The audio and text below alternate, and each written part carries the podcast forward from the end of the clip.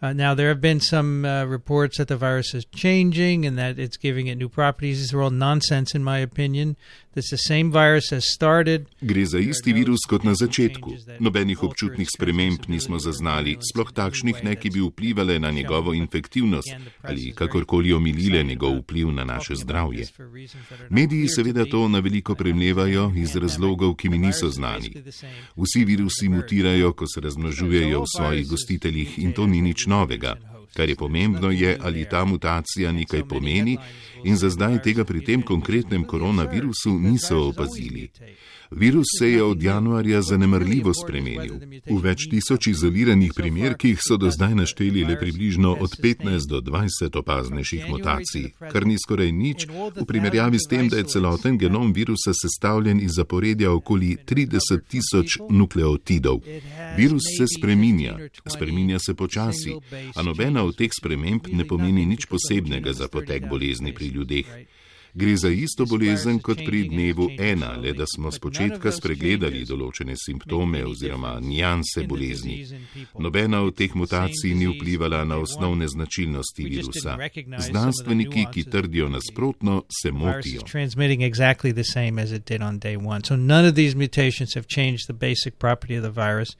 Despite some scientists even saying that they do, they're wrong. They're not looking at the data correctly. Profesor Vincent Rakanjelo, v svojem podkastu This Week in Virology se vsak teden z gosti posvečate tudi kliničnim novostim v povezavi z zdravljenjem bolezni COVID-19.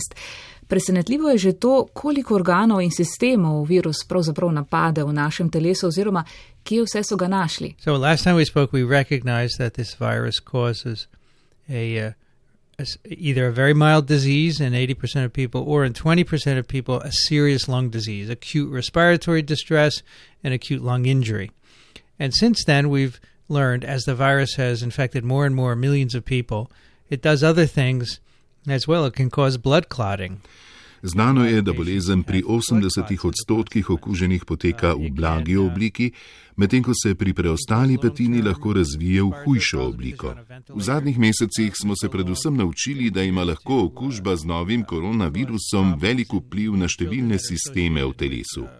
Zdravniki poročajo, da vpliva na nastajanje krvnih strtkov, na dolgotrajne respiratorne težave zaradi zdravljenja z ventilatorjem, pri otrocih sproža redek sindrom Kawasakijeve bolezni. Napada tudi prebavni trakt, ledvica, živčni sistem. Govorimo o veliko različnih vplivih, ki jih pri običajnih respiratornih obolenjih ne zaznamo. Vzroki za vse to niso pojasnjeni, zagotovo pa je del odgovora v pretiranem odzivu in imunskega sistema. Na srečo je sicer veliko teh stanj ozdravljivih.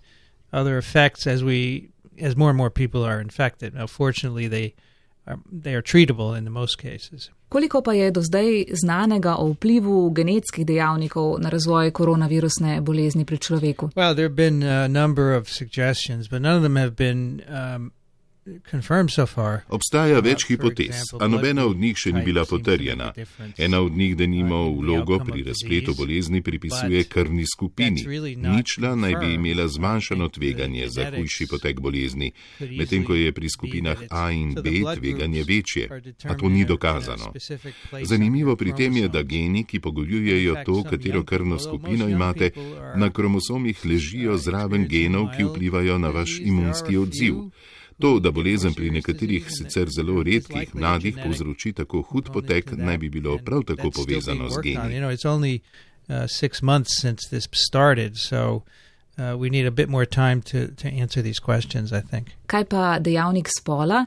Ima to, katerega spola smo vlogo pri tem, ali smo v večji nevarnosti, da huje zbolimo?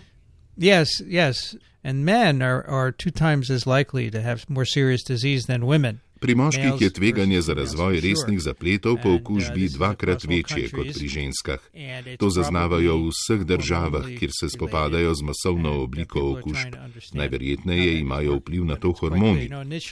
Ko so se z okužbami spopadali še na kitajskem, so sprva ključnega krivca videli v kajenju. A zdaj so to v veliki meri ovrgli in večji vpliv pripisujejo spolu in vplivu testosterona. Effect to allow the species to, to reproduce. Med zdravili je ta teden v središču pozornosti remdesivir, ki so si ga Združene države priskrbele v masovnih količinah in s tem pravzaprav sprožajo ogorčenje, tako rekoč globalno. No, zvezda med zdravili pa sicer postaja deksametazon. Koliko si res lahko obetamo od njega? Well, it's not going to save everyone's life, but if you are in the phase of infection where Če ste v tisti fazi okužbe, ko se vaš imunski sistem odziva pretirano, je lahko vaša rešilna bilka.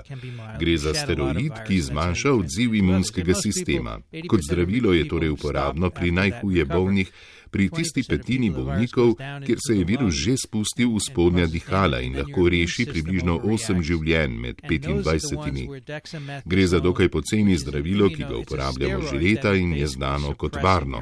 Do zdaj so našli zgolj peščico zdravil, ki bi lahko bila učinkovita pri najhuje bolnih. Hidroksiklorokin, o katerem se je veliko govorilo sprva, se je izkazal za manj učinkovit.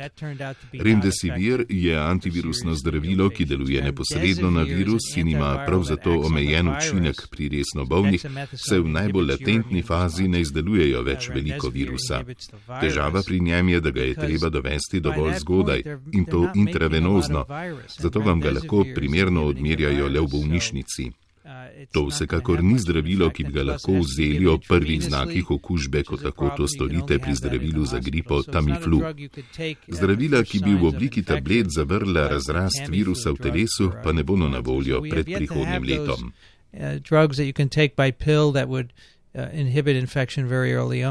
Unfortunately, and those are not going to be available probably till next year. Sami ste sicer pred časom opozorili, da bi morali delati predvsem na nekakšnem pan-koronavirusnem zdravilu, ki bi ga morali razvijati že leta, a tega nismo počeli. I think this is the, one of the biggest tragedies about this outbreak, and everybody should understand this. It could have been prevented. We had SARS 1 in 2003. To je ena od največjih tragedij v zvezi s tokratnim izbruhom. Lahko bi ga preprečili. Izbruh SARS-a pred skoraj 20 leti nas je naučil, da to vrstni koronavirusi obstajajo v netopirjih na kitajskem in da je le vprašanje časa, kdaj bo kateri od njih vnovič zašel v človeški obtok. Pred 20 leti smo imeli priložnost, da bi se podali v intenzivnejše proučevanje to vrstnih virusov in skušali za nje poiskati zdravilo, ki bi oviralo njihovo razmnoževanje. Znanja imamo dovolj, da bi lahko v tem času razvili univerzalno koronavirusno zdravilo, s katerim bi lahko kadarkoli pozneje nemudoma zamejili širjenje virusa, takoj ko bi se ta pojavil. Vsemu temu, kar svet ugonablja zdaj, bi se torej lahko izognili. A podjetja niso hotela investirati v tak tip zdravila, ker v tem niso videla dobička in tudi vlade niso vlagale v to vrstno raziskovanje, saj jim virus ni predstavljal potencijalne grožnje. Celoten sistem, ki poganja in nadzira razvoj zdravil, torej pušča vodo. Ne moremo mu zaupati, ne moremo se zanesti ne na podjetja in ne na vlade, da bi mislili strateško in usmerjeno v skupno prihodnost. Ta hip bi morali biti vsi na planetu besni, saj imamo tehnologijo, imamo znanje, znanstveno podporo, da bi to lahko ustavili. A nismo, ker na tem zadnjih 20 let nismo delali. Zame osebno je to največja frustracija. Because we have the technology, we have the know how, the scientific know how to have stopped this uh, back in December. And it's just, to me, it's just the ultimate frustration.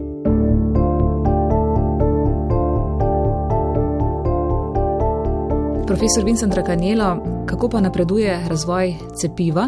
Je katero že blizu faze 3? So I think now there are 172 different vaccines or from different companies under development. And only a few of those have less than 10 are in, are in humans right now, what we call phase 1 or phase 2. There are none in phase 3. Trenutno je v razvoju 172 različnih cepiv oziroma poteka toliko poskusov, da bi razvili ustrezno cepivo proti novemu koronavirusu. Pri tem jih je manj kot deset že v fazi preizkušanja na ljudeh, torej v fazah ena ali dve. Nobeno še ni v fazi tri. Pred nami je torej še dolga pot. Cepiva so različnih vrst. Od inaktiviranega oziroma oslabljenega virusa, cepiv na osnovi virusnih vektorjev, kjer uporabimo kateri drugi virus, ki ljudem ni škodljiv in nanomestimo določene gene novega koronavirusa. Potem so tu še cepiva, ki izhajajo iz nukleinske kisline, torej iz virusne RNK oziroma DNK in tako naprej. Faza ena je varnostna faza. V fazi dve pa cepivo odmerijo skupini ljudi, ob čemer kontrolna skupina cepiva ne prejme in jo po določenem obdobju primerjajo. Ta faza traja vsaj šest mesecev, torej najmanj do jeseni. V fazi dve je zdaj eno cepiv na osnovi RNK in cepivo, ki deluje na osnovi vektorskega virusa in sicer enega od adenovirusov, Prav tako je do faze 2 napredovalo cepivo ene od raziskovanih skupin na kitajskem in pa cepivo, ki ga razvijajo v Kanadi in ki so ga zasnovali na osnovi inaktiviranega virusa. To so najbolj spodbudni primeri cepiv v razvoju ta hip, a imajo skupen problem. Vsa našteta, ki bodo po vsej verjetnosti najprej na voljo, bo treba inicirati v telo. Če hočete imunizirati 7 milijard ljudi, potrebujete 7 milijard injekcijskih igel in ljudi, ki bi jih izdelali in priskrbeli. Veliko bolje bi bilo, če bi že zdaj razmišljali o različnih načinih aplikacije cepiva. Right? And people to deliver them. So that is really hard. I think it would be far better if we had different ways to administer the vaccine. Ko smo se profesora Kanelo na zadnje pogovarjala, se je pandemija v Združenih državah Amerike šele začenjala, zdaj je v hudem razmahu. V čem je pravzaprav vzrok, da so se stvari pri vas zapletle tako, kot so se? Oh, because of our president, who is inept at doing anything productive. V našem predsedniku, ki je v tej krizi nesposoben narediti karkoli produktivnega, že od začetka zanika resnost pandemije in zavrača pozive, da bi morale zvezdne države odrejati več testiranj in nošenje mask, Še prejšnji teden je na primer zatarjeval, da bo virus izginil, če bomo testiranja preprosto zmanjšali. Za vse krivim vlado v Washingtonu in neučinkovitost centrov za nadzor bolezni in preprečevanje njihovega širjenja se ne izvajajo dovolj testiranj. To nas je onesposobilo, da bi epidemijo zajezili že na začetku. Vse to me pravzaprav ne preseneča, saj se pristojne znanstvenike tu javno ignorira. Najbrž poznate nastope dr. Antonija Faucija, ki mu, čeprav gre za enega od vrhunskih strokovnjakov z področja javnega zdravstva, predsednik in podpredsednik ustrajno oporekata, kot da bi vedela več od njega. Edina dobra novica pri vsem skupaj je, da vsaj zdravniki poročajo o napredku pri zdravljenju hujših oblik bolezni. Naučili so se, da lahko s pridom uporabijo antikoagulacijska zdravila, rešujejo življenja z že omenjenimi zdravili in tako naprej. Dokler bolnišnice niso preplavljene s pacijenti, situacijo še lahko obvladujemo. Zagotovo pa bomo imeli izjemno veliko okužb. O tem ni dvoma as long as the hospitals are not overwhelmed, we can handle uh, the the ill the very ill patients. That's my only hope here. But there are going to be a lot of infections, no doubt about it. Če se ne motim, je trenuten dnevni porast uh, v številu okuženih v ZDA več kot 50 tisoč, skupno je pri vas torej okuženih že več kot 2 milijona 800 tisoč ljudi. Kakšna je po vaše prava, dejanska številka okuženih? Uh, yes. So from the start, I've always said that there are more Že od začetka sem opozarjal, da je okužb več, kot vemo. To zdaj priznavata tudi Svetovna zdravstvena organizacija in Ameriški centr za nadzor nad boleznimi, krajše CDC. Menim, da je okužb vsaj desetkrat več, kot kažejo uradni podatki. In kateri so bili po vaše ključni mejniki, ki so vodili v razrast pandemije po celotnem svetu, kdaj kronološko ni bilo več poti nazaj? Think, uh, on, well, of course, all the virus left China at some point. Uh, Mislim, da je bilo ključno obdobje, ko je virus zapustil Kitajsko ko so o prvih primerih poročali iz Azije, Evrope in ZDA.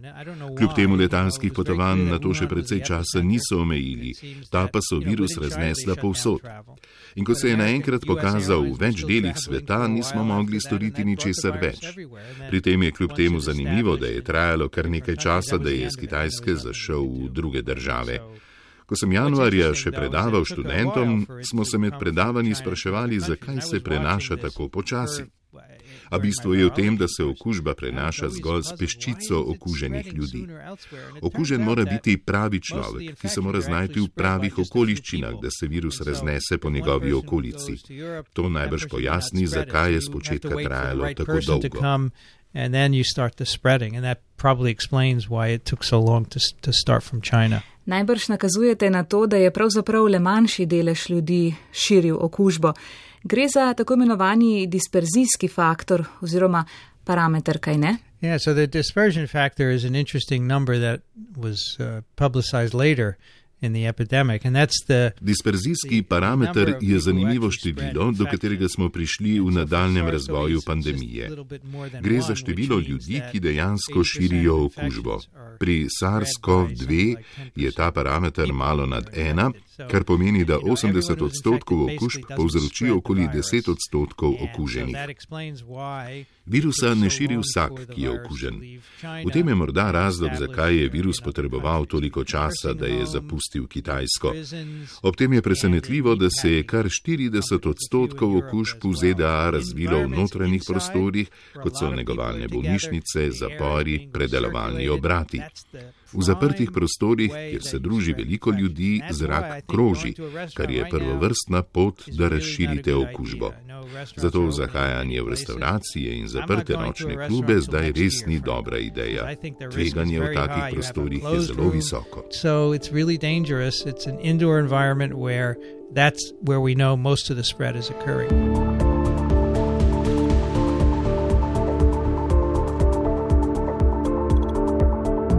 Profesor Rakanjelo, za konec, eh, na severni polobli se za številne začenjajo počitnice, kar otegne zaradi spodbojenih migracij poslabšati epidemiološko sliko. Na kaj naj bodo ljudje, ki se odpravljajo na počitnice, pozorni in tudi kako naj se že zdaj pripravimo na zahtevno jesen, ki nas čaka? Yeah, well, you better get your flu shot this year, so at least you can rule out getting flu in the autumn. Well, for me, I am not going anywhere. I'm staying home. Svetujem, da se cepite proti gripi. Na tak način boste jeseni lažje izločili vsaj možnost, da bi se okužili z njo. Sam ne grem nikamor, ostajam doma. Odpovedal sem vsa potovanja, dvakrat na teden prihajam na delo, pri tem se izognem stikom z ljudmi, ko pa sem zunaj, imam vse čas na sebi masko. Izogibam se restauracijam, vožnji z vlaki, izločil sem prevoze z letalom. A če razmišljate o odhodu na dopust, se vprašajte, kako nujno morate to storiti. Ali naš osebni užitek odtehta možnost, da posledično staknete okužbo in okužite ranljive ljudi okoli sebe. Mislite torej nad svojimi potrebami. Od nas je odvisno, ali se bo virus širil še naprej. Ljudi bi torej pozval, da se letos vzdržijo vseh nenujnih poti. Še posebej opozarjam na uporabo letal, ki so idealna okolja za širjenje virusa. A če se že zadržujete v takih prostorih, pazite, da res nosite masko redno si umivajte roke in kar se da zmanjšajte stike z ljudmi. Uh, I don't feel I need to go to a restaurant. I don't feel I need to travel. In the interest of the health of the world, I'm going to stay home. And I would ask everyone to do that as much as you can.